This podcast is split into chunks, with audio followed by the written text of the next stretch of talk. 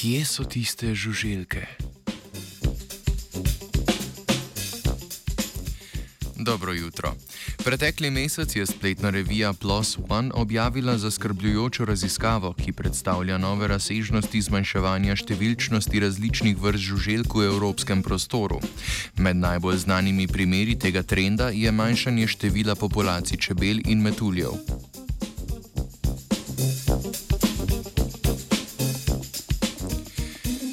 V omenjeni študiji se raziskovalke in raziskovalci niso osredotočili na le eno vrsto, temveč so podrobno gled vzeli skupno težo različnih vrst letečih žuželk, ujetih v posebne pasti.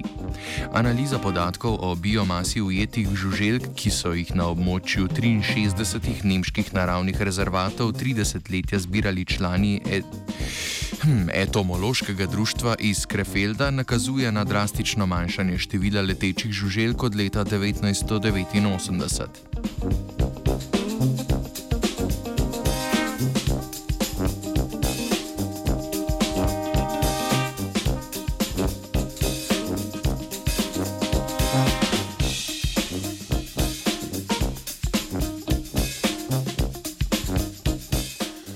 Rezultati te raziskave kažejo, da se je v slabih 30 letih biomasa ujetih žuželk zmanjšala za 76 odstotkov. Zanimivo je, da se je ta oster upad zgodil na zavarovanih naravnih območjih, kjer tega ne bi pričakovali.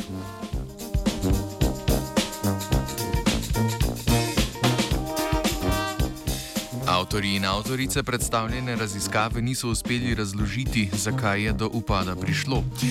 Nihanja malih letalcev iz leta v leto so odvisna predvsem od vremena, na nižanje števila žuželk pa lahko vplivajo tudi spremembe v pokrajini in zastopanosti rastlinskih vrst, vendar omenjeni dejavniki ne razložijo tako drastičnega upada.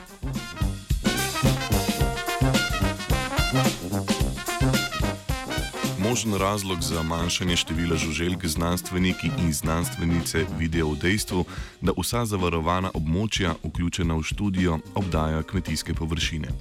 Intenzivno kmetijstvo se močno poslužuje uporabe pesticidov. Tako bi lahko bili prav ti odgovorni za tako močno zmanjšanje žuželčjih populacij.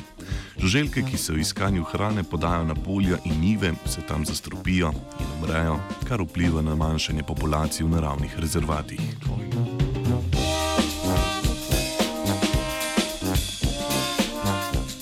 Žuželke je iskal Gregor.